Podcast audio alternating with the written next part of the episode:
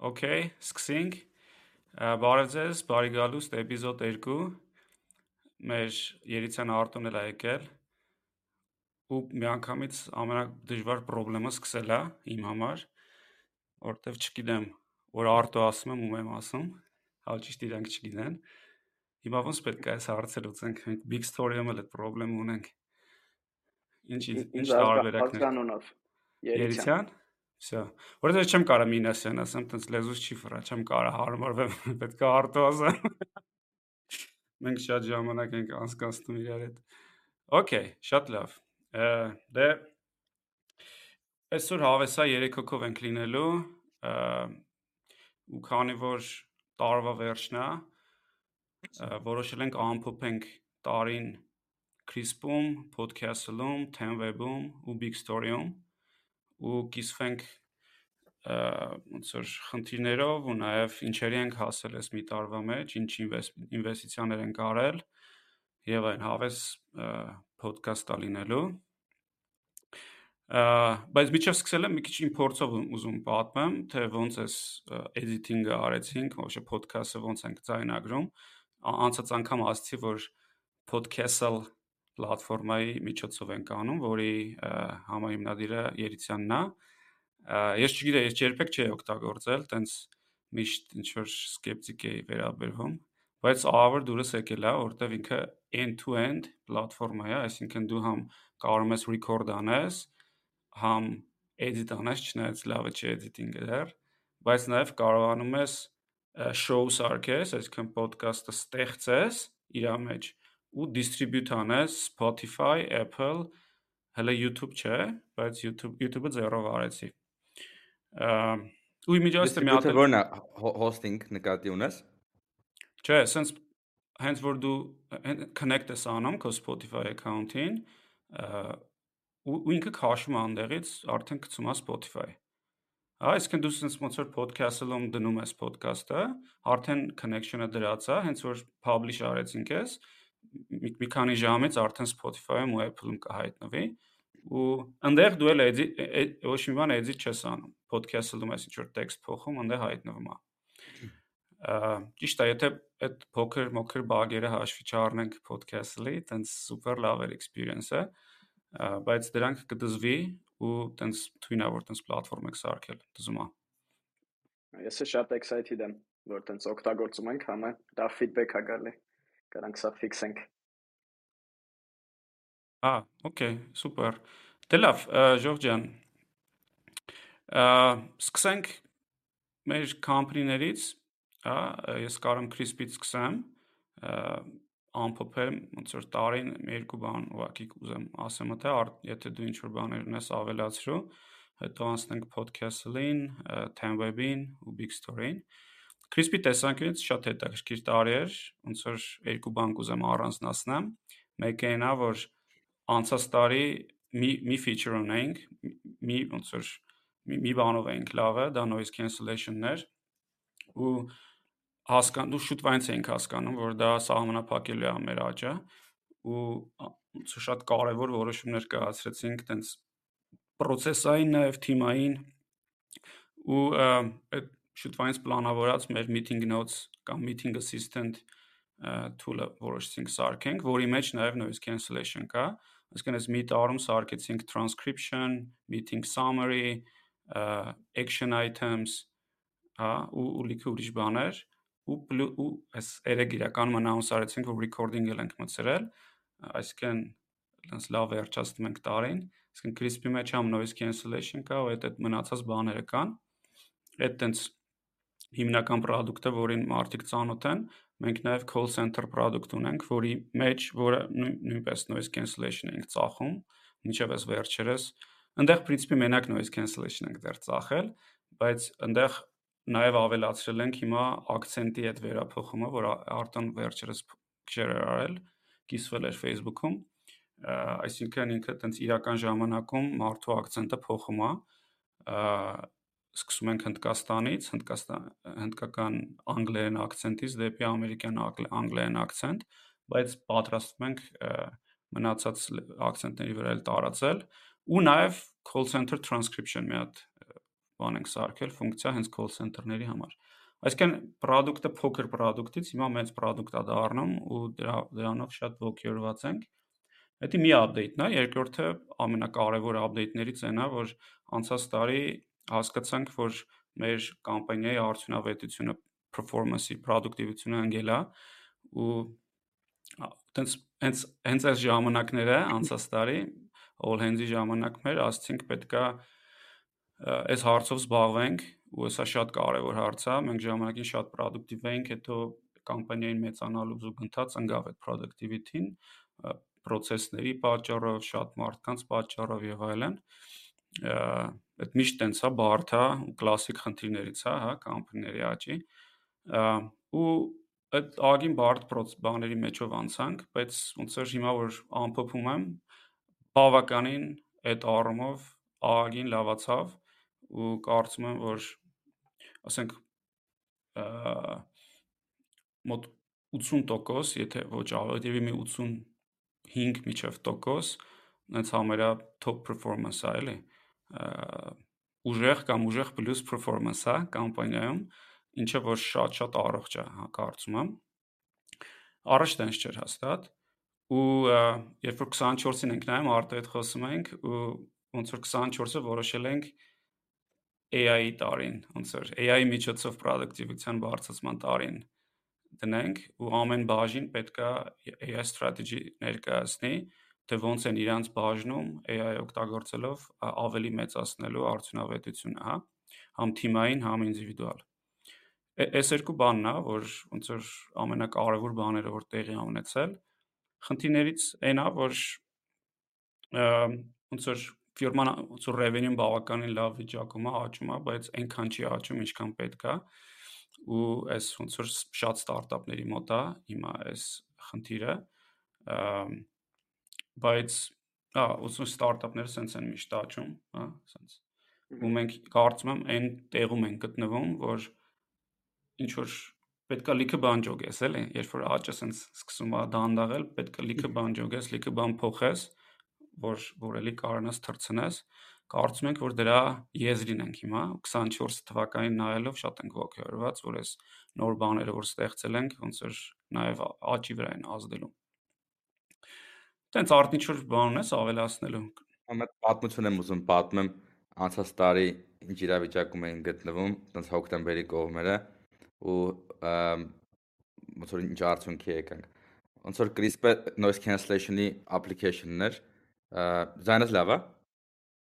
CRISPR noise cancellation application-ներ ու դրանով էինք հայտնի, դե պետք է ոնց որ Դավիթ ասաց, պետք է գնայինք շատացնենք, լիքը feature-ներ սարքենք ու երկու հատ ուղղություն կար, որ կամպանիայի մտածում ենք կարան կանենք։ Մի ուղղություն այն էր, որ գնայինք սարքենք AI meeting coach, որ meeting-ի ժամանակ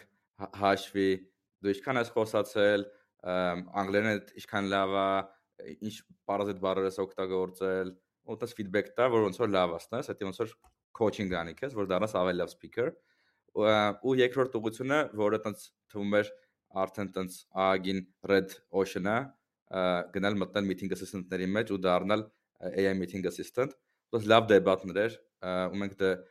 բավականին շատ advisor-ներ ունեինք այդ ժամանակ շատ հայտնի։ Իրանց հետ են քննարկում, ներսում էր շատ տակ քննարկումներ էր ու վերջին որոշում կայացրեցինք, որ գնում ենք AI meeting assistant, որտեվ երկու պատճառով։ Առաջինը որ որտեվ pain-ը շատ է, այսինքն երբ որ assistant assistant կա, քո փոխարեն գործ անում, քո փոխարեն note taking-ը անում, քո փոխարեն transcript-ը անում, action item-ները որոշում, follow-up-ները անում, դա շատ ավելի powerful գործիք է, քան թե երբ որ ուղղակի coaching-ը անում ու քանի որ pain-ը շատ է, նաև market size-ն էլ է մեծ, այսինքն meeting assistant-ի մարքեթը կարող է ասենք 20 անգամ 30 անգամ ավելի մեծ է, քան coach-ի մարքեթը։ Եկեք մենք հավես իրավիճակ եղել, որ մենք մրցակից ունեինք, այդ ժամանակ coach էր ինքը, դա մի քանի միլիոն raise էր արել top capitalist-ներից ու որ լավ առաջ էր գնում ու այդ ընթացքում մենք ոնց որ մտածում էինք, օքեյ, իրանք գիտեն ինչ են անում, մեծ բան են սարքում։ Հետո մի տարի անցավ, բարձրացավ իրանք ոնց որ որոշել են փակվեն արդեն։ Երևի սա կհայտարարեն խոսքով տենց ստրատեգիկ որոշումը շատ-շատ կարևոր է, թե CRISPR որ ուղղությամբ բազար գնալու։ Հələ հələ փաշ չի, որ այս meeting notes-ով մեծ հաջողության ենք հասնելու, բայց նախնական տվյալները լավն են, արդեն այդ աճը վեր գտել ենք, սկսել է լիքը usage ունենալ, միլիոնավոր նոթեր են գեներացվել, բայց այդ ստրատեգիկ որոշումները շատ-շատ կարևոր են, ոնց որ կամպանիան, ոնց որ խաշմերուկ են, էլի։ Մեկը տանում էր փաստորեն զոր, մեկը տանում էր դեպի սարեր գնացեք դեպի սարեր։ Այ միջավայց այդ մրցակիցը ոնց որ եկել էին, ասում են կուզեք մեզ առնեք։ Ոնց հաճելի էր, Արտոյի սիրտը շոյվեց այդ բանին։ մի քիչ իմ կողմից որ meeting assistant-ներ տես տարբեր օգտագործել եմ լիքը ու ինձ թվում է make sense-ա որտեվ ինչ է կա ճիշտ է cloud-ի դա բայց experience-ը սաղ տեղերը շատ վատն է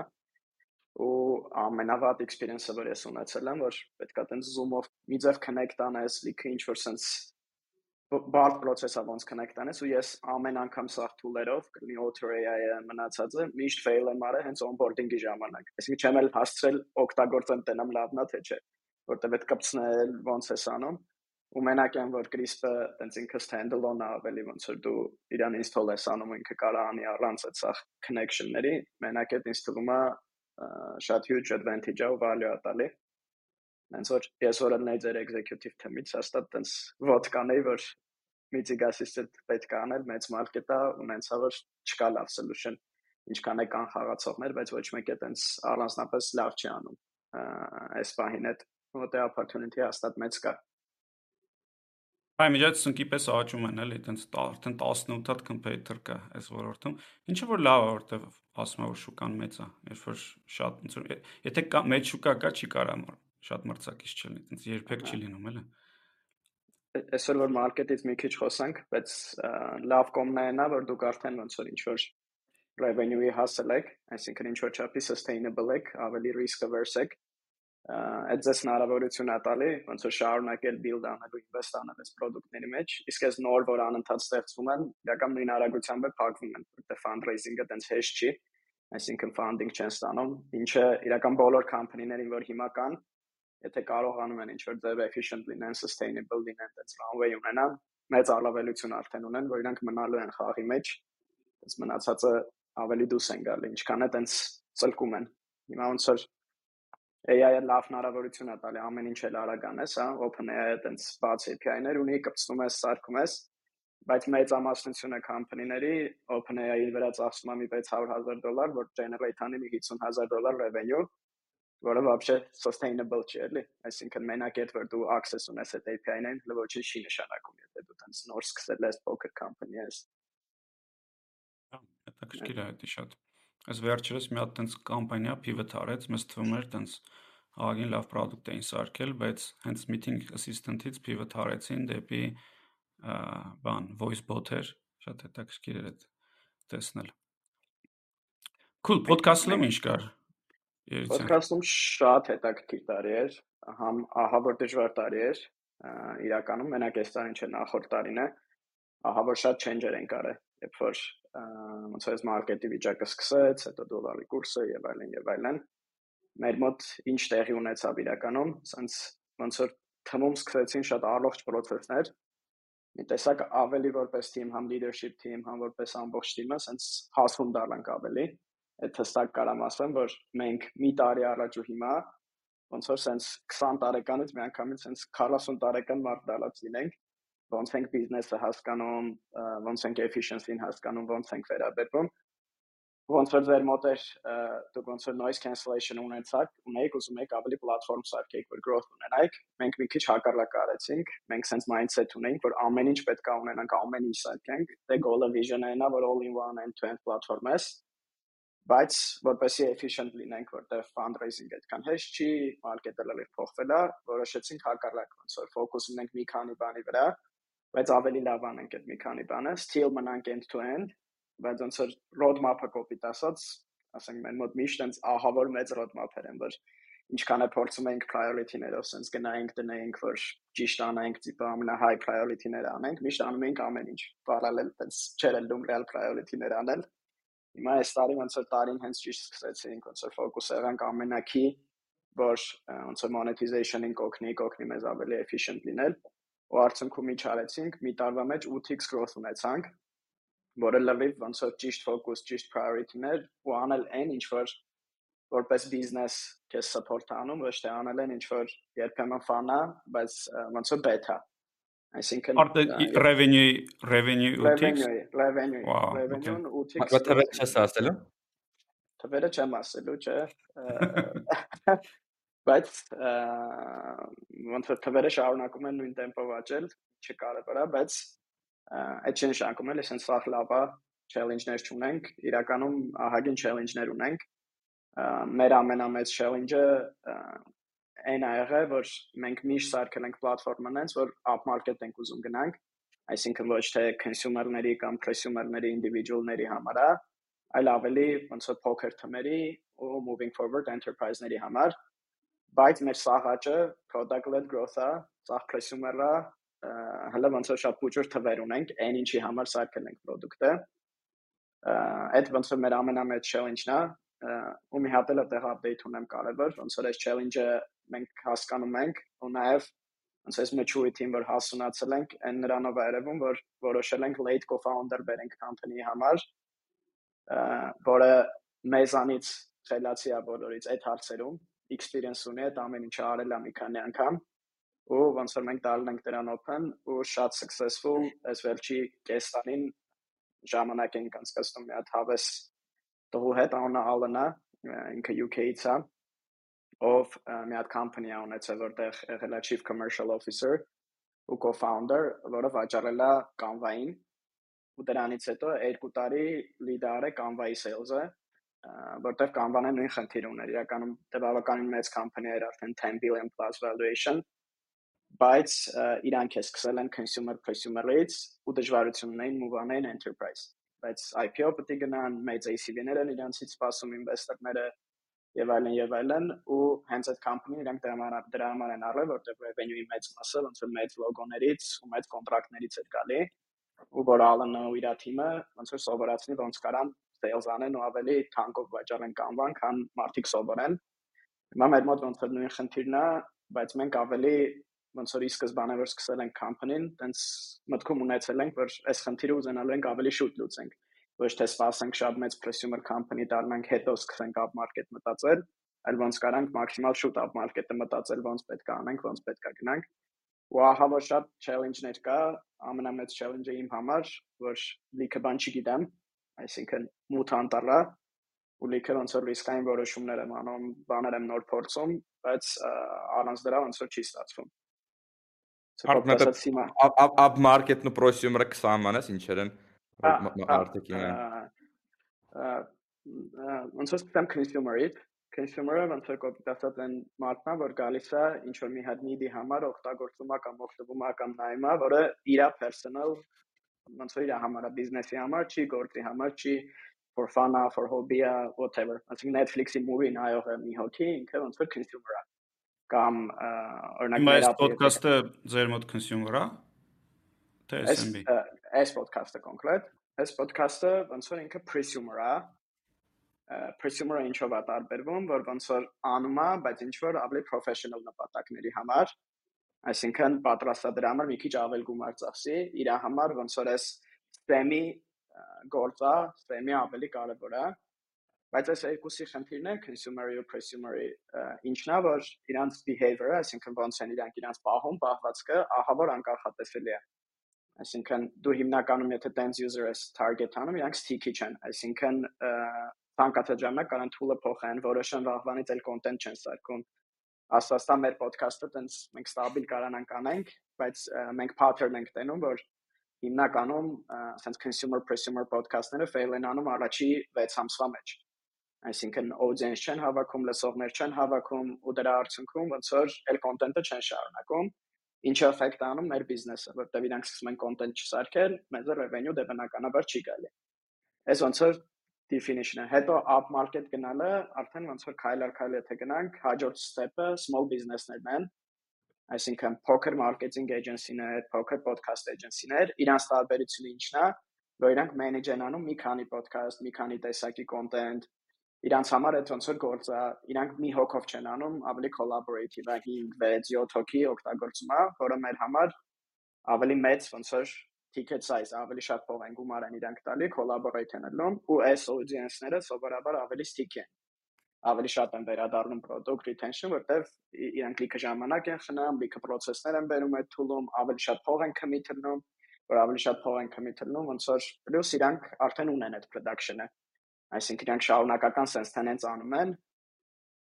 ու դրա հաջորդ level-ը արդեն ոնց որ մեծ թմերն են։ Դա մեր challenge-ն է հասկանալ ոնց որ մեծ թմերում ինչ narrative, ինչ messaging, ինչ պատմություն պետք է տանք, որ մենք տարբերվենք այն մնացած tool-երում։ Մեծերի համար էլ այն է մեր նպատակը, որ ցանկացած company, որը ստեղծում է կոպիտ ասած 5 րոպեից ավելի շատ content, երկար կլինի վիդեո թե աուդիո, դուրս տարածելու համար, ներս տարածելու համար, ում համար ասինխրոն որակը կարևոր է, այսինքն մենակ real time communication-ը կարևոր չի, բայց կարևոր է, որ վերջում երբ որ մարդկանց ցույց են տալի audience-ին ցույց են տալի, համ թույն վիդեո որակ ունենան, համ թույն աուդիո որակ ունենան, համ այդ branded լինի, համ եթե production ունեն edit անեն, ոնց որ choose անեն մեզ, որտեվ այտենց product ոնց որ չկա։ Պատկերացրեք, արտիստ ինչքան են տալը այդ up market-ում մոտորապես ACV-ն այսքան տարեկան ինչքան են ձեզ գումար տալու per Այդ այդ mid market-ում ACV-ները average contract value, այսինքն միջին ինչքան առնելու արժեքը, տենց նախատեսում ենք ոնց որ 10-ից 15000 on average տարեկան, դրանից վերև արդեն 30 30-ից 100 միջակայքում։ Բայց այդ ամենադժվարն է գտնել էլի ոնց են գտե գնալու։ Իսկ է մի հատ մի օր պետքա մի հատ էպիզոդ նվիրենք հենց սրա վրա, սրան, որտեղ այդտեղ լիքը լիքը խորանալու հարց կա, Օրինակ հաճախ հենց ACV-ներով են էլի բաժանում մարքեթները ու բայց եկեք բանանք որ հետի ծր full էպիզոդ նվիրենք դրան խորանանք մեջը հետաքրքիր թեմա է խորանալու բան կա Cool ինչ որ ավելացնելու բան կա podcast-ի հետ կապված որպես ամփոփում է տարվա հիմնական ամփոփումը է որ աճում ենք still challenge-ներ ունենք ոնց են գնում up market թիմը մեծացնում ենք ու շատ ավելի հետաքրքիր է դառնում, շատ ավելի անհասկանալի ու տարօրինակ է դառնում ապագան sense մի քիչ։ Այն որ մյուս տարին 2024-ը sense what։ Լավ։ Հիմա ինչ, ոնց որ հայարարինք մարդ։ Ես ասեմ ինչ, այդ editing-ը դզեք։ Աս editing-ը դզեք ու այն փուճուր բագերը որ ասեց։ Իմ համար է դա կարևոր հաջորդ տարվա vision-ի մեջ վիդեոն շատ լուրջ դեր է խաղում, աուդիոն իրական շատ mature է մեր editor-ը, պրոստը ոնց որ այս ոդքասթը ոնց հասկանում դες կարիք է չի լինում առանձնապես այդ edit անելու, բայց վիդեո վիդեոն mature չի, բայց դա տենց ահագին գործ ենք անելու, այս եկող տարի տենց twin video editor ենք ունենալու tailored as use case-երին, էլի։ Սուպեր։ Կայֆ։ Okay։ Նա ուզում եք եկող տարի էլի 8 անգամ աճը կարդ։ Եկող տարի project ենք անում 3.5 բայց ուզում ենք 8 Հասկաց։ Դե այտենց մա ռուլ կա ընդհանրապես որ software as a service startup-ները երբ որ սկսում են revenue գեներացնել, միլիոն դոլարը սկսած տարեկան, եթե աճում են ասենք 3 անգամ, 3 անգամ, 3 անգամ, հետո 2 անգամ, 2 անգամ, 5 տարում դա հասնեն 100 միլիոն revenue-ի, այտենց 3 հատ 3, 2 հատ 2 ռուլն է, դա համարվում է այտենց twin աճել, լավագույն կամպանիաները այդ այդ path-ով են գնում ու 5 տարում unicorn-ի ծոր ճամփեն բացվում է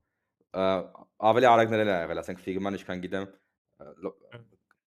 revenue սկսելուց հետո Ահա, սկսած հետո եմ ասում, միլիոնից հետո, միլիոնից հետո 100 միլիոնի կարծեմ 3 թե 4 տարում է ասել։ Այնտեղ Brex-ը, որ այդ credit card-ի կամպանիան է, երկու տարում է կոչվում։ Brex-ը, Brex-ը։ Ramp-ը 11 ամսում է հասը։ 0-ից 100 միլիոն 11 ամսում է հասը։ Դա ամենաարագ գայթած ստարտափն է։ SAS մի մի, մի քիչ այդ պատմությունները ես տենց սկեպտիկ եմ բավականին ասեմ ինչի օրինակ մեր մոտ fundraising-ի ընթացքում անընդհատ լինում է մեզ ասում են չգիտեմ բայց ձեր այս competitor-ը գիտեք երկու տարում հասել է չգիտեմ 50 միլիոն ARR-ի բա դուք ոնց եք անելու բան հետո ես մտնում եմ այդ competitor age-ն եմ նայում ճոգում եմ իրանք մի 15 տարեկան բայց ասում են երկու տարում հասել ենք 50 միլիոն ARR-ի այսինքն ոնց որ դու ես այդ narrative-ը պատմությունը պատմում էլի գնում ես investor-ներին market-ին Այսինքն կոպիտ ասած կարաս աճես օրինակ չգիտեմ 1x 1x 1x հետո սկսես աճել 3x 2x 2x բայց ասես մենք այս տարվանից ենք սկսել revenue gainer generate անել ու 3x 2x 2x աճել ենք այսինքն մի քիչ հետ ընթաց story-ներ շատ կան էլի որտեղ փոխվում են ընթացքում դա թեմի պատմությունն է լրիվ ինչ որ ասցիր թեմը 18-ից 22 թվականներին revenue-ն տենց 700 հազարից դարձել 900 հազար տարեկան։ Ու տենց ընդհանրապես չէր աճում, բայց 23 թվականին 900.000-ից դառել 4.5 միլիոն, իսկ դա 5 անգամ աճել է։ Այդտենց բավականին մեծ աճ է, էլի 900-ից 4.5 միլիոնը ու տենց երկու պատճառ կար, որ տենց արագ աճ եղավ, 3 պատճառ կար։ Առաջինն էր, որ այս ChatGPT, Midjourney, ընդհանրապես generative AI տեխնոլոգիաները լավ ինտեգրեցինք website building-ում ու արագացավ ու լավացավ հեշտացավ website building-ը ու product-ը ոնց որ ավելի complete դառավ prosumer-ների համար ու երկրորդը մի քիչ տես pivot արեցինք դեպի e-commerce business line e-commerce builder launch արեցինք որտեղ competition-ը շատ ավելի քիչ է քան website builder-ների մոտ այդ այդ երկուսներ ու երրորդը մարքեթինգը ստացվեց ինչեւ այդ ընդհանրապես ոչ մի բան չէր ստացվում հիմա ինչ անում ենք ստացվում է մասնավորապես SEO-ն, influencer marketing-ը, affiliate marketing-ը, բոլոր channel-ները դες լավ թվաբանությամբ ոնց որ փողը հետ են բերում։ Մի հատ լավ մետրիկա կա, ոչ մի payback period, այսինքն ինչքան ժամանակում ես փողը հետ բերում, 1-8 ամիս է հիմա Tenweb-ում այդ թիվը։ Իսկ մարքեթինգային դոլարը որ ծախսենք 1-8 ամսում հետ է գալի։ Չգիտեմ scale-ի ժամանակ ոնց կլինի, բայց այս point ոնց որ է դա թվերը դա ֆոտոս պոզիտիվ տարի էր համ product-ի տեսանկյունից, համ աճի։ Այդ առաջի երկու quarter մտնում էր Twitter, մտնում էր LinkedIn, սա էր։ Նա վարը դեր գնացել։ Ու այդ կոնկրետ կոնկրետ դուք ինչ որ բան էիք արել, որ դա լիներ, նես չէր էլի, որ օրգանիկ մաս էլ կար երևի, չէ՞։ Դա ոնց էր, կարաս պատմես այդ մասը շատ։ Հա, influencer marketing-ի ոնց որ channel-ը շատ ուժեղ էր այդ բանին աշխատում։ Տեսանք որ ասենք այդ բոլոր ինֆլուենսերները LinkedIn-ում, Twitter-ում, YouTube-ում դες post-եր են կազմում օրգանիկ, ասենք 10 AI tools, չգիտեմ, 10 AI tools for productivity։ Լիքը դեպքերում podcast-ը CRISPR Tenweb-ը ու լիքը հայկական ուրիշ կամպանիները դա հայտնվում են, բայց Tenweb-ի case-ները որ ինքը շատ massական product է, իսկ podcast-ը podcast-ը պետք է մենակ podcasting-ով զբաղվող մարկանց Իսկ ասենք Tenweb-ը ուղղակի պրոսյումերների քանակով մի քանի 100 միլիոն հատ վեբսայթ կա աշխարհում, այսինքն շատ-շատ մարկանց է պետք։ Դες գնացինք լիքի ինֆլուենսերների հետ կոնտրակտ արեցինք ու սկսեցին իրանք շաբաթը մի հատ երկու հատ post անել մեր մեր մեր ոնց որ վճարման story-ով էլի ու հետո ավելի մեծ ինֆլուենսերներ որոնք արդեն ունեն 10 միլիոն follower ասենք YouTube-ում լրիվ օրգանիկ տեսան Tenweb-ը LinkedIn-ում, Twitter-ում, գնացին իրանք վիդեո արեցին, դա բերեց նոր ինֆլուենսերների ու տենց ոնց որ viral loop առաջացավ ու այդ ոնց որ աճը ապահովեց, էլի։ Դա էր հիմնականը։ Բայց երկու ֆակտոր, ահա, sorry, երկու ֆակտոր կա, այսինքն product-ի change-ներ համ ժամանակին ճիշտ ոնց որ ChatGPT-ով AI-ով, որը ոնց որ կոպտ ասած դուխով ինֆլուենսեր մարքեթինգ արեցիք, բայց քանի որ product-ը արդեն այդտեղ էր, ինքը ոնց որ այդ loop-ը իր արդ աշխատեց, բայց կարող է մի տարի առաջ նույն ծախսը անեիք չլիներ, ոնց որ այդ output-ը։ Չլինում։ Ինչեւ այդ ինչ անում ենք մարքեթինգում ոչ բան չէր ստացվում։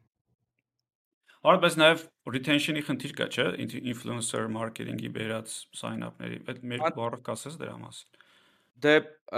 influencer-ները աուդիտորիա ունեն, ասենք օրինակ մի հատ իման անով influencer կար, որ շատ պոպուլյար, ասենք YouTube-ի top 20-ի մեջ է, վիդեո էր սարքել, ու այդ մարդը ունի մի քանի միլիոն follower, մի անգամից որ իմանա ասում է, լիքը մարդ գայսը գրանցվում է թեմ վեբում, լիքը մարդ նկատում ասենք մի շաբաթում 100.000 հատ sign up ենք ունենում, այդ ձևի թվեր, ու այդ 100.000 մարդ site-ը սարքում ու ու բայց իրաց պետք չէ այդ site-ը այդ բահին ուղղակի որ իմանա ասել ուզում են փորձեն շո մարտի կարող մի ամիս վճարեն նույնիսկ որ շարունակ են սարքել բայց այդ արտոյի ասած behavior-ն է էլի քանի որ իրանք տենց prosumer են ասենք մեկը մետ idea ունի ուզում է site սարքի, մեկը շոր սերվիս է տալի ուզում է site սարքի, մեկը հավեսի համար է, մի ամիսը թողում են ուղակի, ու տենց մի անգամից retention-ը, այսինքն տենց շատ քիչ customer-ը մնում։ Դա Espagne թեմի համար մեկ խնդիրն է, ու նաև պատճառներից մեկը որ գնում ենք դեպի AI e-commerce builder, հենց դա որ prosumer-ից դուրս գան գնանք SMB, որտեվ e-commerce e-commerce-ը արդեն SMB է, էլի կոնկրետ այդ site owner-ները փող են աշխատում իրենց site-ով ու նաև դու ոչ միայն կարող ես subscription revenue ունենաս, այսինքն ամսական գումար են վճարում, նաև կարողանում ես իրենց payment-ներից cut ունենաս ու number 1 company-ն այդ այդ ոլորտում Shopify-ն է 100 միլիարդ տոնոց company է ու իր revenue-ի մեծ մասը գալիս է որպես payment processing company, այդ ոչ թե subscription։ Մատած թեման որոշել ենք դառնանք Shopify-ի competitor։ Տեսնենք ոնց կստացվի։ Ինա շատ շատ նման փաստորեն ճանապարհ է էլի բանի տեսանկյունից up market դեպի կամ էլ SMB գնալու podcast-ը լմու թեմվեմ Այս podcast-ը չլինի չենք իմանա որ պետքա խոսանք դրա Հա, չէ։ Ես իմիջիայից մենք վճարում ենք podcast-ին, չգիտեմ գիտես թե չէ, ես առել եմ։ Դզած, դզած։ Big story փողերից։ Big story փողեր։ Շատ լավ, մի մի ջեբից մյուս ջեբը։ Exactly։ Ա շատ լավ։ Դե big story-ից մի քիչ խոսանք։ Ուրեմն ընդհանուր 10 17 հատ investment են կարել, ոնց որ թե այս երկու երկու տարում, չէ, երկու օրոյսին շատ են կարել նախանցած տարի կամ անցած տարի ավելի ճիշտ։ Այս տարի 5 հատ investment են կարել, ուրեմն Wave-i, Cloudcheaper, Synthflown, Corporan ու Stars Hunter ու շատ արագ կուզեի cover անենք, թե ինչ investment-ներ են, հետո խոսանք թե ինչ ենք տեսնում շուկայում, մեր էկոհամակարգում հայկական խնդիրներ կան լիքը, վաղեն քչացել են կամպանիաները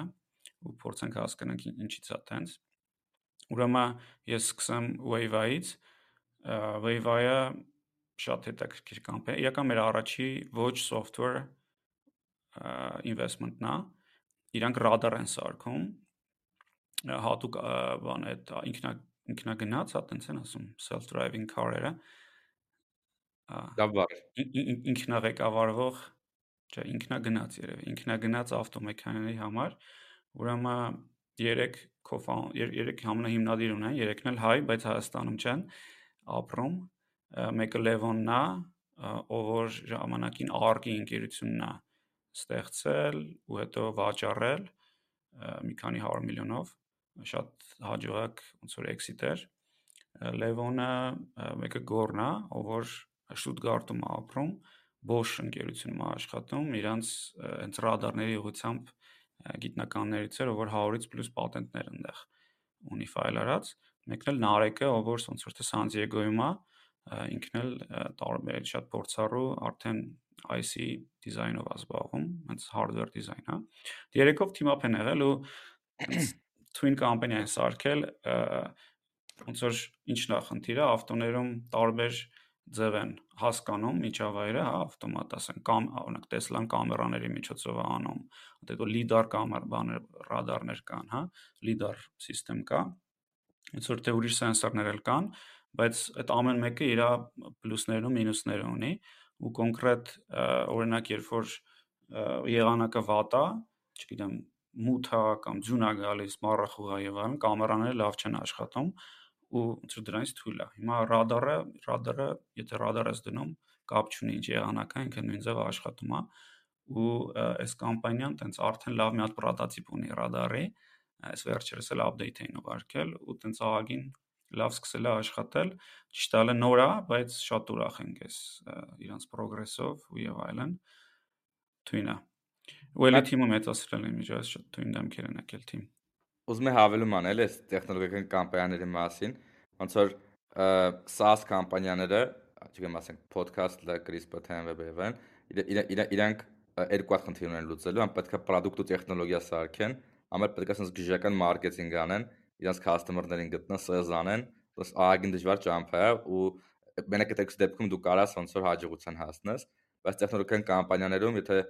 քանի որ pain-ը շատ մեծ է ու շատ դժվար է այդ սարքելը, եթե շատ լավ տեխնոլոգիա կարողանաս սարքես, հաճախ շատ քիչ մարքեթինգով կամ համարյա 0-ին մոտիկ մարքեթինգով կարաս լավ հաջողության հասնես։ Այդտեղ է բայց դա ռիսկն է շատ, որ կախողակի չկանաս էականորեն լավ ռադար ստանաս, էլի։ Ոնց որ հետաքրիր տարբերությունն է ու մենք երևի բացի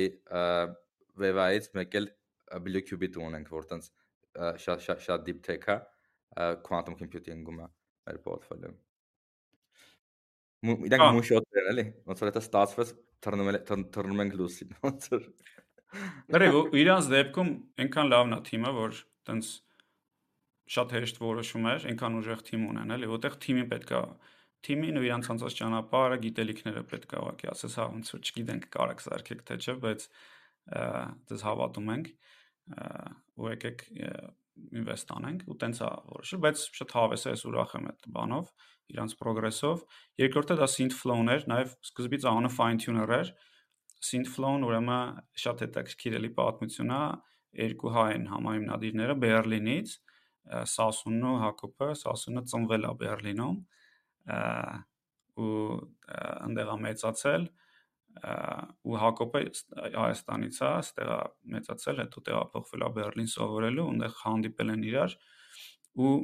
տարբեր իտերացիաներից հետո մի հատ եկել են մի հատ բանի, product-ի տեսլականի, որի իմաստը այն է, որ voice bot-եր են սարքում, հա, այսինքն ապագայում այնքան լավ են խոս, այնքան լավ է խոսալու AI-ը, որ դու եթե ինչ-որ զանգ ես ուզում անես կամ ստանաս, կարողանալ է AI պատասխանի այդ զանգերին ու զանգը կատարի, այդտեղ լիքը դեռ տեխնոլոգիական խնդիրներ կա լուծելու ու ճիշտ մարքեթ գտնելու, բայց ինքը նախ ինձ շատ հոգ է է այդ ոլորտը, որովհետև տենց կրիսպում այդ թեման էական է, բայց նաև շատ ուժեղ թիմ է, այս իմիջիայից տենց 1.8 միլիոն raise են արել ու արդեն announce են արել այդ մասին ու նաև developer-ներ են ման գալիս հենց Հայաստանում, որ մեծացնեն իրենց Հայաստանի կենտրոնը։ So այդ էլ է twin twin case, դրանով ենք շատ ուրախ։ Որը հաջորդը անցնենք Cloud Cheaper Արտու ձեզ Cloud Cheaper։ Ահա Cloud Cheaper-ը Cloud Operations Automation ստարտափ է ու հիմնադիրը երկուսն են Սուրենը ու Աշոտը երկուսն շատ շատ մեծ փորձ ունեն DevOps-ական cloud environment-ներում Mesosphere-ում են աշխատել, իրանց outsourcing company-ն ունեն, որ service էին մատուցում DevOps-ական բավական 20-30 հոգանոց թիմ ունեն ու այս այս ոնց որ այս cloud-ում լիքը խնդիրներ են տեսել, որ որ operations-ը դանդաղա manual-ը շատ process-ներ ու որոշել են cloud shipper-ը ստեղծեն ու այդ ավտոմատացումները անեն։ Միած դե մտնած փոքր ձախողում ունեցել Big Store-ին, երբ որ նոր են սկսել, Աշոտը առաջինը հենց մեր մոտ էր եկել ու ասում էր եկեք invest անեք։ Ոնց որ շատ ենք հավանել Աշոտի համ pitch-ը, համ Աշոտին, բայց մտածեցինք, որ դա շատ competitive ոլորտ է այդ cloud operation automation-ը, ու ավելի լավ ոնց որ չանենք Աշոտ ասաց օքեյ, մի արեք, հետո գնաց ուրիշ ինվեստորներից ռեզ արեց, անցավ Y կոմբինատոր, որ համար 1 acceleration ծրագիրն է, շատ ավելի շատ ուժեղացավ, մեծ customer-ներ ձեռ բերեց, դաս լրիվ level up եղավ, հետո հետ եկավ էլի մեր հետ խոսալու։ Չէ, այդ չկա, մենք մենք գնացինք ասենք։ Արա արա Արի ասենք հետ եկա։ Արդյոք չերես արդյոք հետ եկա։ Okay, լավ։ Արդեն մենք էինք համոզում, որ ինվեստ անենք։ Ահա, չէ։ Համոզելը բան չկար, հեշտ համաձայնված, ուղղակի 3 անգամ թանկ։ Որ եմ որ ասում է ամեն ինչը վաճառում է գրի մեջ է հարցը լրիվ էտր։ Տենց, բայց բայց բայց արդյունքում ոնց որ cloud-ի պրովել ենք շատ ոգևորված, որտեվ այդ cloud-ը 100 միլիարդերի ինդուստրի է ու գնալով աճում է, սա computer տեղափոխվում է cloud, ու աշխատենք twin product են սարքես լավ ֆոկուս տան product-ի վրա ու հենց up market-ում են, այսինքն ամենափոքր իրենց կամպանիան պետք է գոնե կլիենտը պետք է գոնե տարեկան 5 միլիոն դոլար cloud cost ունենա, որպես այդ cloud operations-ը իմաստ ունենա ու ավելի մեծ կամպանիներն են իրենք ոնց որ target անում էլի տենց ինձ թվում է լրիվ unicorn-ի պոտենցիալ ունեցող ստարտափը։ Ոնց որ մեր բոլոր պորտֆոլիոյի կամպանիաները, բայց այս cloud chipper-ում, cloud chipper-ում այդ kind of enterprise խիստ master գիտասված եւ այլն շատ ավելի ոնց որ մեզ հոգեազատ ու հետաքրքիր է։ Մյուս մյուս ստարտափը Stars Hunt-ն է։ Stars Hunt-ը 3 co-founder ունի, Կարենը, Ֆեդին ու Ալեքսը։ Իրանք սարքում են AI based interview platform, հələ նոր double check արեցի իրենց վեբսայթը, ոնց որ հələ չեն կողմնորոշվել, ասի consumer play-ը, իսկ մարկանց համար որ ուզում է գնա ինտերվյուների, դա տրեյնինգ անցնեն, սովորեն, պարապեն, թե ասենք B2B player, որ օգտագործեն իրենց tool-ը կամպանիաները կամ recruiter-ները, որպեսզի հազարավոր մարքան զուգահեռ կանան ինտերվյու անեն։ Բայց sense ահավոր կայֆ experience է, խորհուրդ կտամ փորձարկեք, եթե ինտերվյուներ եք ուզում դիմեք, sense գալիս եք ասում եք ինչ job description կա, copy եք անում job description-ը, ասենք, որ կամպանիան տվել է, հարցերը գեներացնում AI-ը ու հետո քո հետ խոսալով սկսում ես հարցեր քեզ տալ նեղ մասնագիտական, ասեմ, կարա գնա C++-ի փախած թեմայից մի հատ հարց տա կամ machine learning-ից մի հատ հարց տա ու դու պատասխանում ես, կարող է վերլուծի ասի լավ էր թե վատ էր ու վերջում ասում է Արդ բանես չէ անում, ասենք եթե ինչ որ մի հատ գործ կա, որին ուզում ես դիմես, այնտեղ հայտարարություն ա գրած, այդ հայտարարության լինքը տալիս ես իրանց, ինքը գնում է ոնց որ քեզ ինտերվյու անի, սկսում ես պարապել դրա վրա, որ ավելի մեծ հավանականությամբ ընդունվես, էլի։ հենց consumer play մասն է ոնց հասկացա։ Այդ մասը հա։ Չէ, այդ այդ monetization-ը ոնց որ product-ը ամեն դեպքում consumer-ը, բայց podcast-ը կարա հակառակն լինի, օրինակ եթե դու recruiter ես, դու ուղղակի կարաս ասես, այսին պլատֆորման է, white labeled, crispy/recruitment, ու մարդիկ գան, դա job-ը ընտրեն, ինձ ինտերվյուն ասնեն AI-ի հետ, ու դրա արդյունքները հիման վրա դու ասենք նախնական screening-ը ոնց որ անես, էլի ճիշտ է այդ մասը ավելի կոմպետիտիվ է քան թե macro consumer մասը, բայց այդտեղ էլ բարձա որ retention-ը շատ ավելի մեծ է, որովհետև consumer մասում մարդիկ 3 ամսվա ընթացքում միջինում գործ են ճարում, որ գործ ճարեցին դժվար է subscription-ը պահեն մեծ հավանականությամբ cancel կանեն։ Իսկ հələ figure out-ն իրեն կան։ Շատ լավ, կորպորան երեցան դուք կասես։ Հա, կասեմ ու սենց որ լսում էի երկուսիցս սենց հետաքրքիր բան նկատեցի բացի Wave-ից մնացած product-ները լիքը ստարտափ որ հիմա մեզ լսում է իրականում կարա օգտագործի ու երևի մենք է որ ընտրում ենք invest ենք անում տենց մտքում մտածում ենք թե մենք եք օգտագործեինք տենց հասկանում ենք այդ մասերը Խինա ռադար, հեսա ավտոյի վրա մոտ ռադար եմ դնում Wave-ի։ Այդ է կարա թելի կորպորան է բացառություն չի ոնց որ դրանցից հենց մենք ոդքասթում այդ ցավը ոնց որ ունեցել ենք այն ինչ որ կորպորան լուծում է էլի ֆաունդերները US-ից են Նարեկն ու Սերոփը Սերոփը business operations արը հայկական web front-end company-ում հետո join-ա եղել Pixar Նարեկն է շատ հետաքրքիր պատմություն ունի Հա Ստեփան, sorry, sorry. Ստեփան Ստեփանը legal firm-ը ունեցել US-ում, բավականին lucrative, տենց նորմալ փողը աշխատել, բայց որոշում ա կայացրել, որ ստարտափ պետք է սկսի ու այն խնդիրն է փորձում լուծի, որ ինքը հենց տեսել է ուրիշ ստարտափների հետ աշխատելուց, որ սա դոկումենտացիան ամեն ինչ ինչ սարքում ես, ճիշտ հավաքած չի, ինչ որ բաներ կորցնում ես, ինչ որ բաներ մոռանում ես, ու ոնց որ պատկերացնենք, չգիտեմ, որոշել ես տունը վաճառես կամ վարձով տաս, ոնց է, չէ՞, սկսում ես մաքրել, բան, ասես սիրունացնել, որ նկարներ անես, սիրուն ֆոտոներ անես, որ ավելի հավանական լինի, որ կվաճառես։ Մա ստարտափի համար ամեն մի fundraising-ը ոնց որ դու պետք է սա լավ մակրես legal-ը, տենց որտեվ հեսա պատրաստում ես, որ investment պետք է ստանաս, իրական շատ բարդ է։ Employee contract-ներ, լիքը ֆորմաներ, որ կյանքում չես հիշի որպես ֆաունդ 83B, մանավանդ եթե արտասահմանից ես Ամերիկայում չես դուս դուս ես Ամերիկայից, լիքը թղթաբանություն կա որ պետք է անես ու մեր փորձից այդ թղթերը սաղ տարբեր տեղեր են, լիքը բաներ պակասում է, չկա։ Ու իրանք ոնց որ հենց այդ խնդիրն են ուզում լուծեն, որ քեզ ավտոմատ օգնեն նախ հիշացնեն ինչ էր պակասում ես, ինսայթներ տան, որ այս դոկերը չունես, որը քեզ պետք է compliance-ի համար։ Հետո ճիշտ ֆոլդերներով դասավորեն, որ դու ցանկացած պահի, որ որոշում ես ինչ որտեղ բացես այդ legal document-ները, ոչինչ բան մտածելու չունենաս, ինքը sense իդեալական լինի, մաքրած, ոչ թե տենց վերջի պահին վազես ասես ինչ դոկումենտներն եք։ Մեր մոտ ամեն fundraising-ին տենց է եղել, ոնց որ պատրաստ եք։ Ահա, մեր մոտ էլ տենց եղել։ Բելենք շուտ որը ինչ կա, բերեք, էս պակասում է, ինչ կա։ Այս մի հատ ստորագրենք հետին թվով։ Մոռացել ենք։ Ոնց որ այդ ամեն ինչ լուծում են ու Դա միասար։ Չէ, սա գիտեմ, իստը լավ է կոմը։ Ու լավ է որ ոնց որ Արեգն Սերապը որոշել են այդ լուծեն, իմ կարծիքով ինքը բավականին մեծ խնդիր է ու տենց զարգանալու տեղ է շատ ունի, անավանդ տեսել AI-ով։ Կարան Նարեկ, հա։ Կարաս այնքան բան ունես։ Ստեփան, Ստեփան։ Ստեփան Կզրցյան։ Ազգանների եմ։ Նարեկ Կզրցյան, չէ՞ սկս։ մոտ ես բան եմ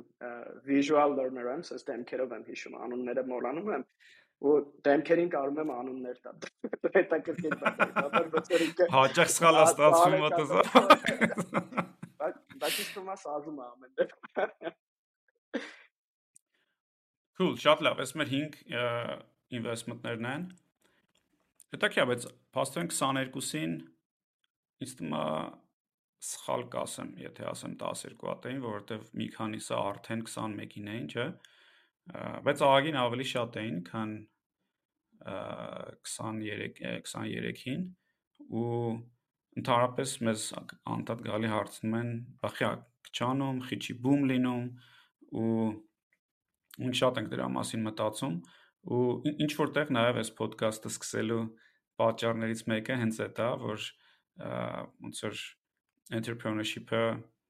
ավելի զարգանա, ճիշտ է, ես չի մի հատ ոդկասթով տես բան կզարգացնես, բայց ինչքան շատ կիսվենք մեր պատմություններով, մեր գիտելիքով, անցած ճանապարհով, այդքան պետքա օգնի։ Ով եկեք դրա մասին հենց միգուցե խոսանք, էլի, թե ինչի են, ինչի է մի քիչ ստագնացիա։ Կամ արդյոք կա ստագնացիա, կարողա չկա ստագնացիա էկո համակարգում ու ինչ սպասելիքներ ունեիք ու ոնց է դա լինում, ինչի պատճառով ավելի շատ չի լինում, չի աճում էկո համակարգը, ով կուզի սկսի։ Մա դոկ եմ սարքել, ուզում շերանը փորձեմ նկարագրեմ, էլի։ Այո։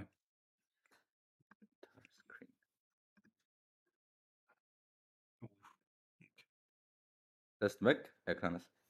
Ահա։ Ահա։ Էս Էստոնիա-Իսրայելը տան փորձը համատեմ, Ստա ոնց որ բնակչություններն է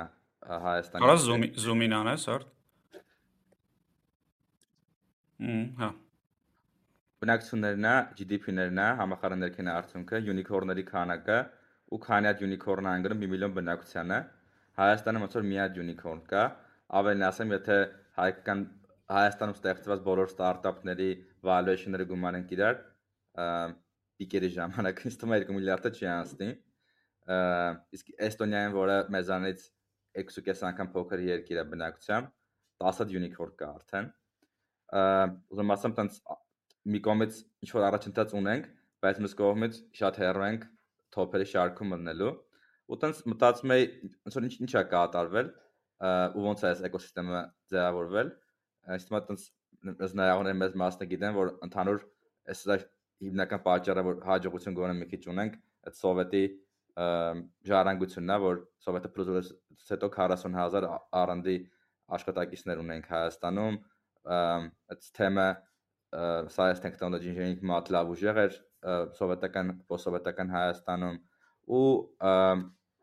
հետո international company-ները եկան Synopsys-ը ու մյուսները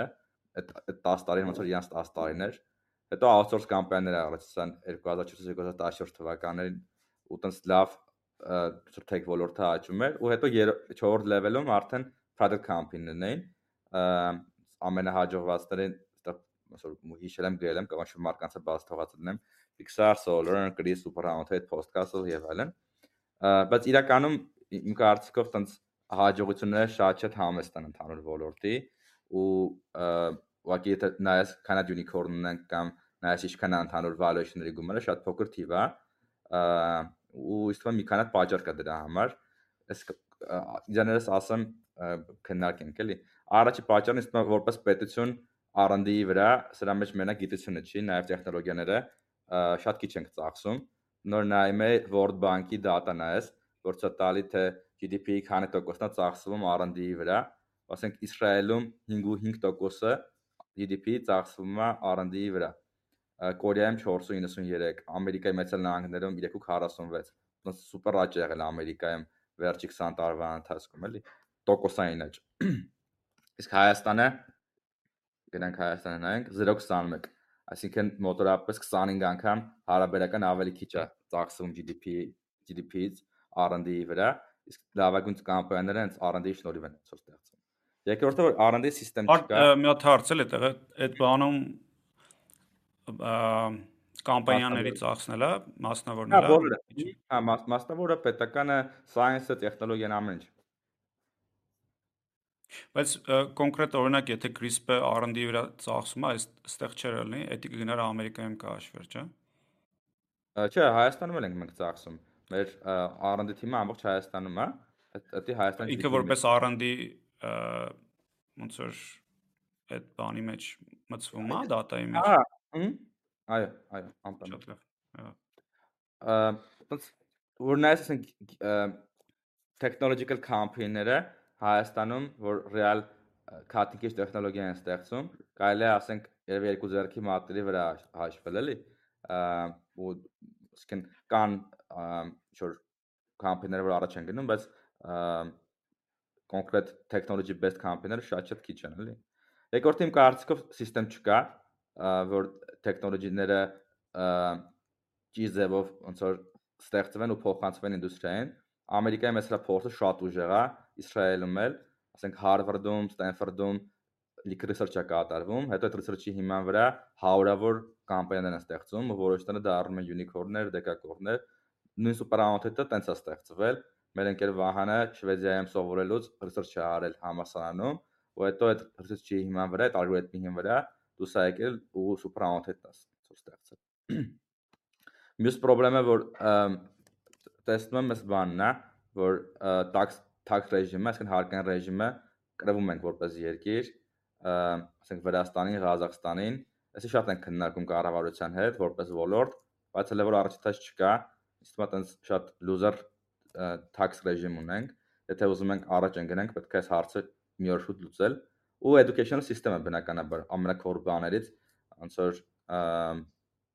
համարի առաջընթաց չկա, եթե չասեմ դեգրադացիա վերջի 20 տարվա ընթացքում։ Այսինքն մակրո խնդիրներն է, որ պետությունը պետքա ոնց որ առաջնորդությունը ստանձնի, իհարկե ոլորտի հետ խորհրդակցելով, աշխատելով, բայց չի անում ու լրիվ fail ենք ոնց որ ստե անում, էլի, այս 4 կետով էլ fail ենք անում։ տենց բան կար չէ, որ պետքա հարկային ռեժիմը առաջարկ կար քչացնելու, չէ՞ Վրաստանի նման սարքելու, որ เป զի ռուսական ընկերությունները, որ եկել են Հայաստան, չգնան Վրաստան, բայց չանցավ, հա, ոնց որ թե այդ առաջարկը։ Կառավարությունում լիքը քննարկումներ եղավ, վերջում pushback արեցին, ասին թոմանա մյուս տարի էլի քննարկենք, բայց այս արդեն երրորդ տարին նույն բանը քննարկում ենք էլի։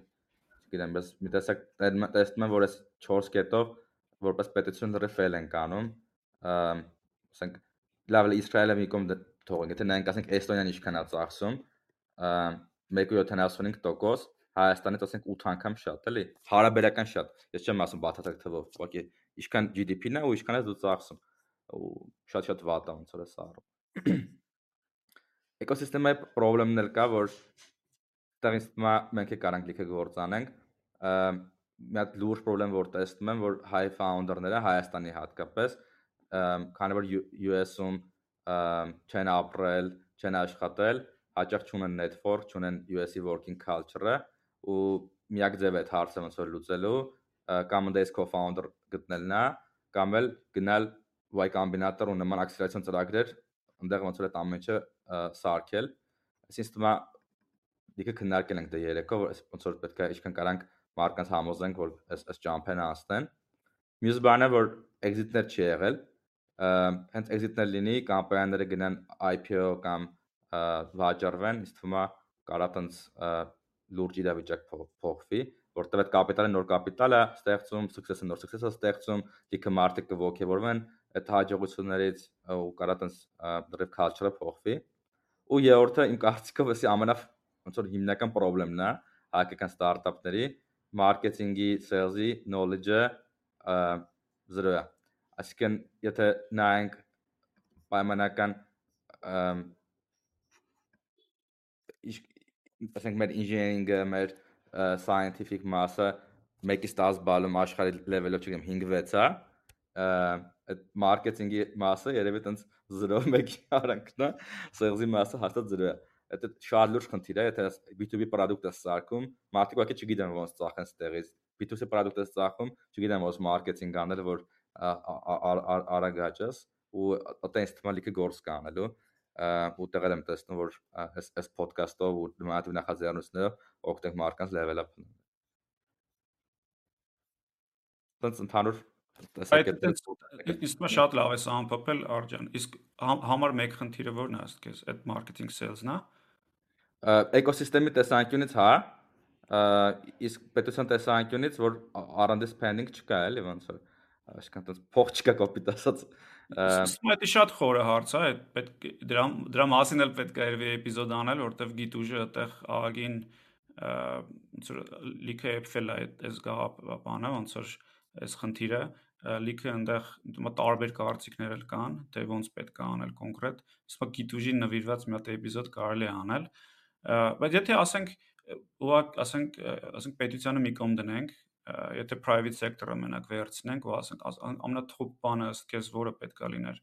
որը ինչ որ բան կփոխեր։ Մարկանց founder-ներին տանել YC, այսինքն Y Combinator, եթե կարողանանք դա անենք, հիմա դե YC շատ կոմպետիտիվ է, չէ՞։ Եթե չեմ սխալվում 200 200 application-ից մեկն է անցնում Y Combinator եթե կարողանանք ինչ-որ ձև գտնենք YC-ին բերենք Հայաստան կամ մեր founder-ները հեշտ ընդեղ անցնեն, թեկուզ այդքան կոմպետիտիվ չլինեն, բայց գոնե այդ training-ները, network-ը, այդ ամեն ինչը անցնեն, կարող կարող game changing լինել։ Նույն ասենք Ashot-ը cloud shipper-ի, ոնց որ շատ խելացի տաղանդավոր մարդ է, բայց մինչև YC-ին ու YC-ից հետո ոնց որ լրիվ ուրիշ մարդ է, չէ՞։ Շատ տպավորված հիմա իր տրանսֆորմացիայով։ Որ ասում է 10x founder-ա դառնում, այդ դա էլի ու նույն մարտն է ինքը, այսինքն նույն աշոտն է 6 ամսվա կամ 3 ամսվա այդ ակսելերացիայից հետո է, էլի։ Բայց դա տենց իմ կարծիքով էսի նենց հարցը եթե ուզում ենք էական բան փոխենք, պետքա սոր ամբողջական նայվի, էլի։ Իսկն եթե օրինակի համար R&D spending-ը չի շատանում, եթե օրինակ պայմանական AI-ը հիմա աշխարհի համար մեկ ուղղությունն է, government-ը չի ասում, okay, 200 միլիոն դոլար տարեկան ինվեստ ենք անում AI-ի մեջ ու խելացի ձևով պետք է արի, չեմ ասում, ուղղակի փող դրվի, բայց կա ճիշտ prioritization արվի, ճիշտ ուղղություններ ընտրվի, ու ճիշտ մի քանի ուղղության մեջ փող դրվի։ Եթե դա չեն կանում, ո՞նց է հաջորդ CRISP-ը, հաջորդ podcast-ը ստեղծվելու, էլի։ Ոնց որ CRISP-ը podcast-ը Արտոն կասի, բայց CRISP-ի ասենք core մասը տեխնոլոգիական առումով, դա ոնց որ համասանում մի քանի գիտական խմբեր կային գոյություն ունեցող, ովքեր տրանսֆորմացվեցին դառան CRISP-ի գիտակցական թիմը։ Հիմա եթե դա ուզում ենք scale անենք 10-ից CRISP ունենանք, որ մեկն էլ կարակի դառնա դեկակոն, պետք է ոնց որ scale-ի վրա ինվեստիցիա արվի, որը որ չի արվում, էլի։ Դա ես համաձայն եմ, որ հաստատ պետք է անի ու շատ կարևոր դեր ունի պետությունը այդտեղ խաղալու, բայց այդտեղ պետք պետք չի մոռանալ այն մասին, որ entrepreneurship-ի այդքան ձեռներեցության հմտությունները նույնպես սուպեր կարևոր են, այսինքն եթե ես ու դու չանեինք սա, ոնց որ կարող է այդ երկիր լինի, որտեղ լիքը տենց թիմեր լինեն գիտահետազոտական, բայց ոչ մի տնտեսական արժեք էլ իրանք չկարողանան ստեղծել։ Այսինքն այդ երկու մասը այդտեղ ու ես եթե ընտրեի մի ամենակարևոր բանը չնայած ասենք YC EJ-ի հետ եմ համաձայն, որ դա էլ է շատ կարևոր, այդ exit-ների բացակայությունն է, այսինքն մենք ոնց որ աճ ծախ ասում ենք, որ տեսեք ինչ լավ product-ներ, product կամպանիաներ ունենք, ինչը որ տենց է, այսինքն եթե ժամանակային համատես, տենց ահա որ մեծ պրոգրես ենք ապրել որպես ոնց որ Հայաստան, հա, որ 10 10 տարի առաջ չկային շատ քիչ էին product կամպանիաները, հիմա ագին տենց փոխվել է մարդկանց բանը, բայց եթե քանի որ exit չի լինում, ու այդ մարդիկ չեն հարստանում, հա, այդ թիմերը չեն հարստանում ու կողքի հարևանը չի հարստանում դրանով, այդ ոնց որ շատ սկեպտիկ են մեկը մարդիկ նայում ու տենց այդ չի բերում նրա բում չի առաջացնում էլի այսինքն նաև ինդուստրիան է մեղավոր որ չի կարողանում այդ exit-ներին գա հա ու այդ ցույց տա որ չէ այստեղ լիքը բան կա էլի այստեղ լիքը տնտեսական արժեք կա պետք է սրա մեջ ներդնել ես կարծում դա էլ է շատ կարևոր մի հատ է իմ կողմից մի բան որը դա շատ ուժեղ կարծիք ունեմ դրա հետ կապված, որ մտածում եմ այս sense call խնդիրը ինչը ավելի շատ ոնց որ մշակութային է, երևի մեզ սաղին է վերաբերվում, բայց նոր ստարտափներին է որ ստեղծվում են։ Սումա Հայաստանում մենակ company-ին շանսեր կունենա տենց successful unicorn լինի, երբ որ հենց day one, այսինքն առաջի օրվանից մտածում եմ, որ ինքը co-founder պետք է բերի այն skill set-երով, որ ինքը ունի ու բերի իրան դրսից, որը cover կանի sales, marketing եւ այլն, որտեվ այն բոլոր թմերը, որ մենք տեսնում ենք, հիմնականում 2-3 co-founder, ինժեներ, բոլորը Հայաստանից, ոչ մեկ global knowledge չունի, global force չունի, ու ինչքան դու scale ես անում ընկերությունը, ոնց որ մեծացնում ես այդից սկսած, այդքան խնդիրները կումուլյատիվ մեծանում են ոչ թե հեշտանում են, որտեղ դու այդ knowledge-ը այնց ի սկզբանե չես ունեցել, չես բերե, ու ինձ թվում է հիմնականում այդ գալիս է գիտելիք չունենալուց, вообще ինչքան co-founder stock պետք է 10 10 open չլինելուց, որ պետք չէ ընկերդ լինի, high լինի անպայման, կարա լինի օրինակ US-ից մի հատ մարդ, որի հետ կարաս ընկերանաս, travel անես, թռնես SF ժամանակ անցկացնես, իդեաները share անես, որ ինքը կարա օգնի բիզնեսով, դու օգնես engineering-ով։ Այսինքն մարդկանց այդ openness-ը բաց լինելը իրանց խնդիրների, իրանց իսկական գիտելիքների, ինչ գիտեն, ինչ չգիտեն, ինչ կարան, ինչ չեն կարա, ու նաև այդ ոնց է գլոբալ փորձը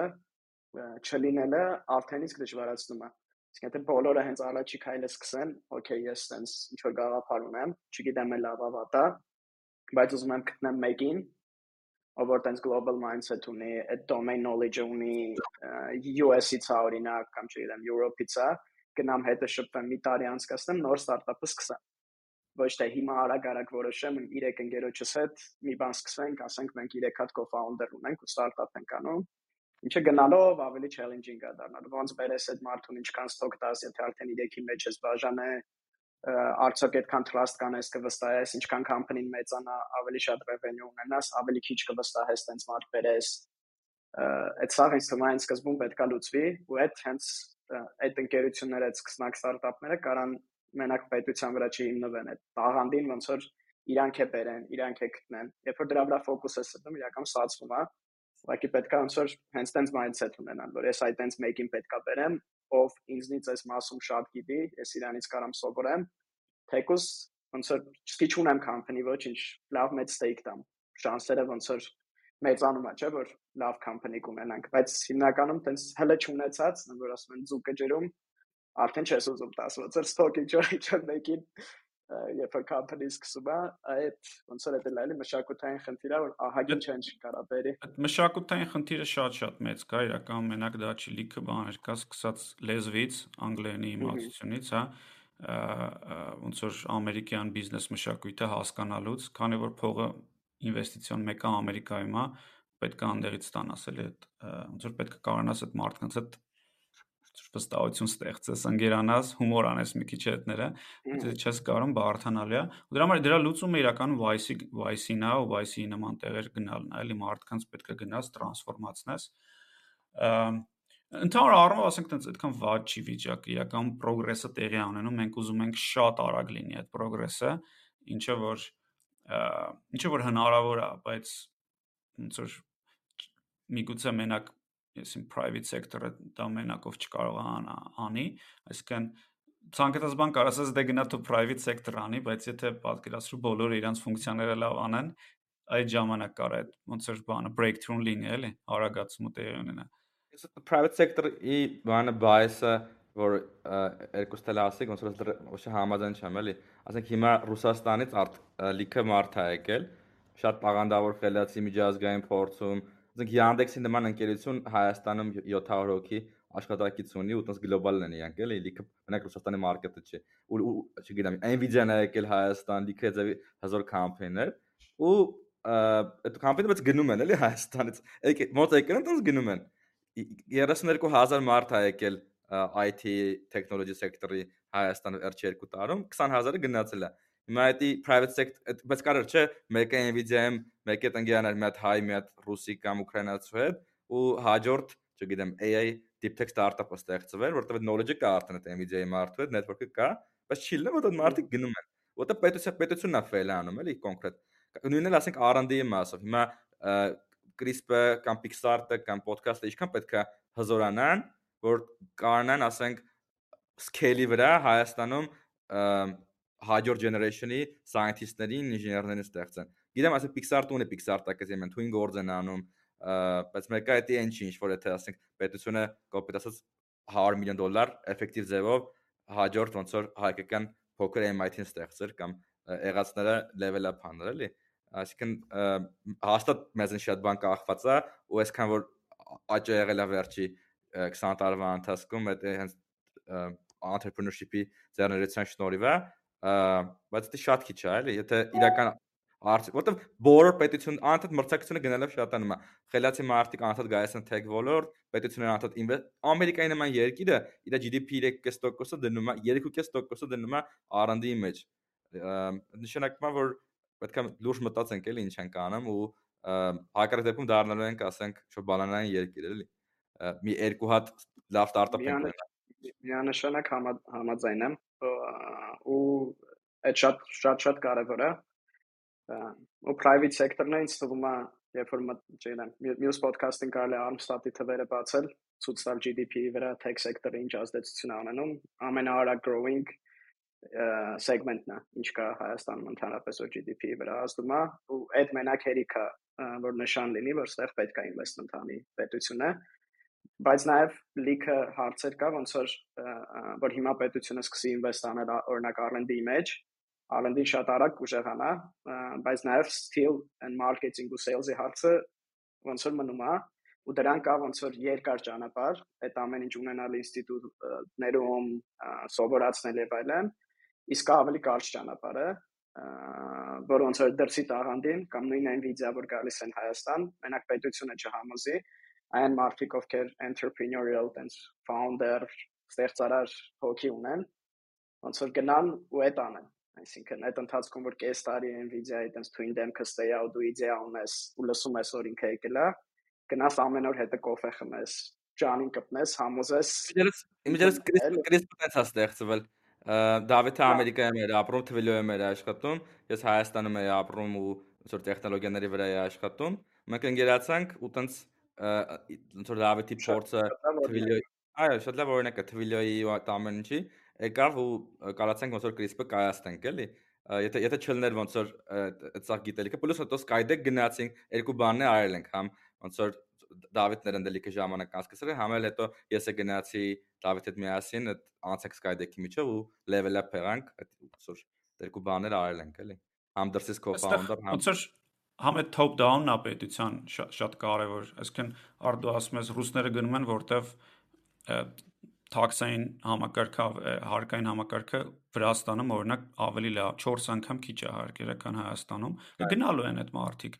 իսկ այդպիսի տաղանդի բերելը ամեն ոնց որ երկիր ամեն երկրի երազանքն է Դուբայի ինչ ասես անում ասենք ինչ ասես անում են որ որ կան այդպիսի մարտիկ մեր մոտ ուղղակի նվեր ստացել ենք հիմա այդքան դուխ ու բան չունեն ոնց որ ոնց որ երկարաժամկետ մտածելու կամ հավակնոտ ծրագրեր ունենալու բան չունեն, որ պահեն այդ մարդկանց, հա այդ այդ այդ մի խնդիրն է, բայց պետքա բարը մապել նայել, էլի ոնց որ Երիցյանի ասաց, այսինքն դա մենակ պետությունը չի ստեղ, պետքա ոնց որ մարտիկ պետքա արդյունքում մարտիկ են ստեղծում ընկերություններ ու տնտեսական արժեք, էլի ոչ թե պետությունն է ստեղծում։ Պետությունը ենթակառուցվածք է ստեղծում, հեշտացնում է եւ այլն, բայց մարտիկ պետքա դա անեն, ու այդ մարտիկ պետքա ոնց որ իրանք էլ իրանց պետք էսպիսի story-ներ պետքա շատ լինեն, էլի պետքա կարողանան ոնց որ այդ comfort zone-ից դուրս գան, պետքա կարողանան ավելի մրցակցային լինեն, ավելի մեծ մտածեն, ընկերանան ռուսների հետ։ Ինչքան քանի հատ ընկերություն է ոնց որ եղել ռուսները իրանց համար են ապրում, ոնց որ հայերը իրանց համար ու տենց ոնց որ չեն կարողանում կամուր ստեղծեն, էլի իրար մեջ։ Լիքը տենց խնդիրներ կան, ու բայց եթե այդ ամեն ինչ էլի ակսելերացիան հաստատ լինելու է էլի համակարգի այդտեղ ոնց որ անկասկած Cool Շատ լավ մի ժամ 8 րոպե արդեն եղավ ինչ որ շատ շատ հետաքրքիր է ամեն դեպքում travel-ասնելու բան կա նախատեսել ենք մի քիչ մարքեթից խոսանք fundraising-ից, բայց կարանք թողենք podcast-ին, բավական բավականին երկար է, հա, որտեղ դեռ է խորը, խորը ուզում ենք խոսանք մի քիչ վերից աշխարհի կատարվում։ Սուպեր, եղավ ջան, հա։ Մի հատ երևի վերջնական մի հատ նոտ, որ էդ էլ այնց թվում է կարևոր, որ եղած կամփանիները, որոնք արդեն ոնց որ ինչ որ տեղ կայացել են, ինչ որ փուլերով staging-ով round-ների անցել են, ու ոնց որ այս podcast-ի նպատակն է նաև այդ, որ մենք ինչքան անում ենք, չգիտեմ, corporate social responsibility, չէ, ինչ որ ֆինանսներ ենք տրամադրում տարբեր տարբեր պրոյեկտների, նաև ոնց որ մի քիչ մեր community-ն ինչ որտեղ divide-id է։ Այսինքն մենք օրինակ այս podcast-ում ոնց ենք չէ գտնում ենք ես Արտոն Դավիթը sense խոսում ենք, պատմում ենք ինչ խնդիրներ ունենք, ինչ challenge-ներ ունենք, առանձին է ոդքասթից իրար զանգում, օգնում եւ այլն։ Այդ ոնց որ ինչքան կարողանանք ավելի ոնց որ լայնացնենք, այս ոդքասթն էլ նաև այդ նպատակ ունի, ինչքան շատ մարդու հետ այդ կարողանանք կիսվենք, օգնենք, ու նաև մարդիկ կարողանան ոչ միայն լավ բաներ ասեն իրանց ուժուր ստարտափների կամ մեծ ստարտափների մասին, այլ նաև ոնց որ բաց լինեն խնդիրները իրար ասել, ոնց որ դա տարբերվում էլի US-ում, Europe-ում մարդիկ հավաքվում սուրճ են խմում, ոնց որ Հայաստանում հիմնականում նախընտրական արշավի պես է, սա մեր մոտ լավ է, թույն է, մենք խզարում ենք, հեսա, էս ենք անելու, այն ենք անելու, իսկ ընդ որ կոֆե ես խմում, էս չենք կարող անենք, այն չենք կարող անենք, դուք օրինակ ոնց կանեիք, արի մտածենք, ու այս ամեն ինչն էլ է իրականում օգնում, որ ընդհանուր էկոսիստեմը զարգանա, այսինքն այդ community-ին հետ տալը, իրական challenge-ներից խոսալը, քննարկելը բոլորին օգուտ ալինելու։ Ինչքան ոնց որ կարողանանք այդ նաև փոխենք, այդքան մեզ բոլորին լավ ալնելու որպես ընդհանուր tech community Չո մեծ բաներ։ Այ իմիջիայից մի հատ բան ասեմ, մեր մեր թիմից Վահագ է, ով որ մարքեթինգի ղեկավարներից է ու Ասթին, ով որ product-ի, growth-ի ղեկավարներից է, իրանք 24-ին պլանավորում են տենց կուրսեր ու education-ի մեջ լիքը բան անեն, ինչ որ վիդեոների տեսքով, միգուցե ուրիշ բաների տեսքով, այսել է հավես, կուրսը, կուրսերի բաների տեսքով, հա, այսինքն մարքեթինգի մեջ պետք է ինվեստ անել։ Այսինքն ոնց որ հայերը մի քիչ սովորել ենք product զարգել, Իսկ մի բան որ 10 տարի առաջ ամերա չկար, հիմա պետքա մարքեթինգ սովորենք։ Իսկ ինչքան բան ենք սովորել Crisp-ում, podcast-ում, Pixart-ում, տարբեր տեղեր, հիմա պետքա այդ սովորածը ինչքան հնարավոր է արագ տարածենք, որ เป զի 5 տարի հետո արդեն մենակ sales-ը մնա։ Մարքեթինգը պլյուսիկ դնենք։ Եղավ շատ լավ, Ժորժ ջան, մերսի, ինչ մյուս հանդիպում։ Հաջողություն։ Հաջողություն։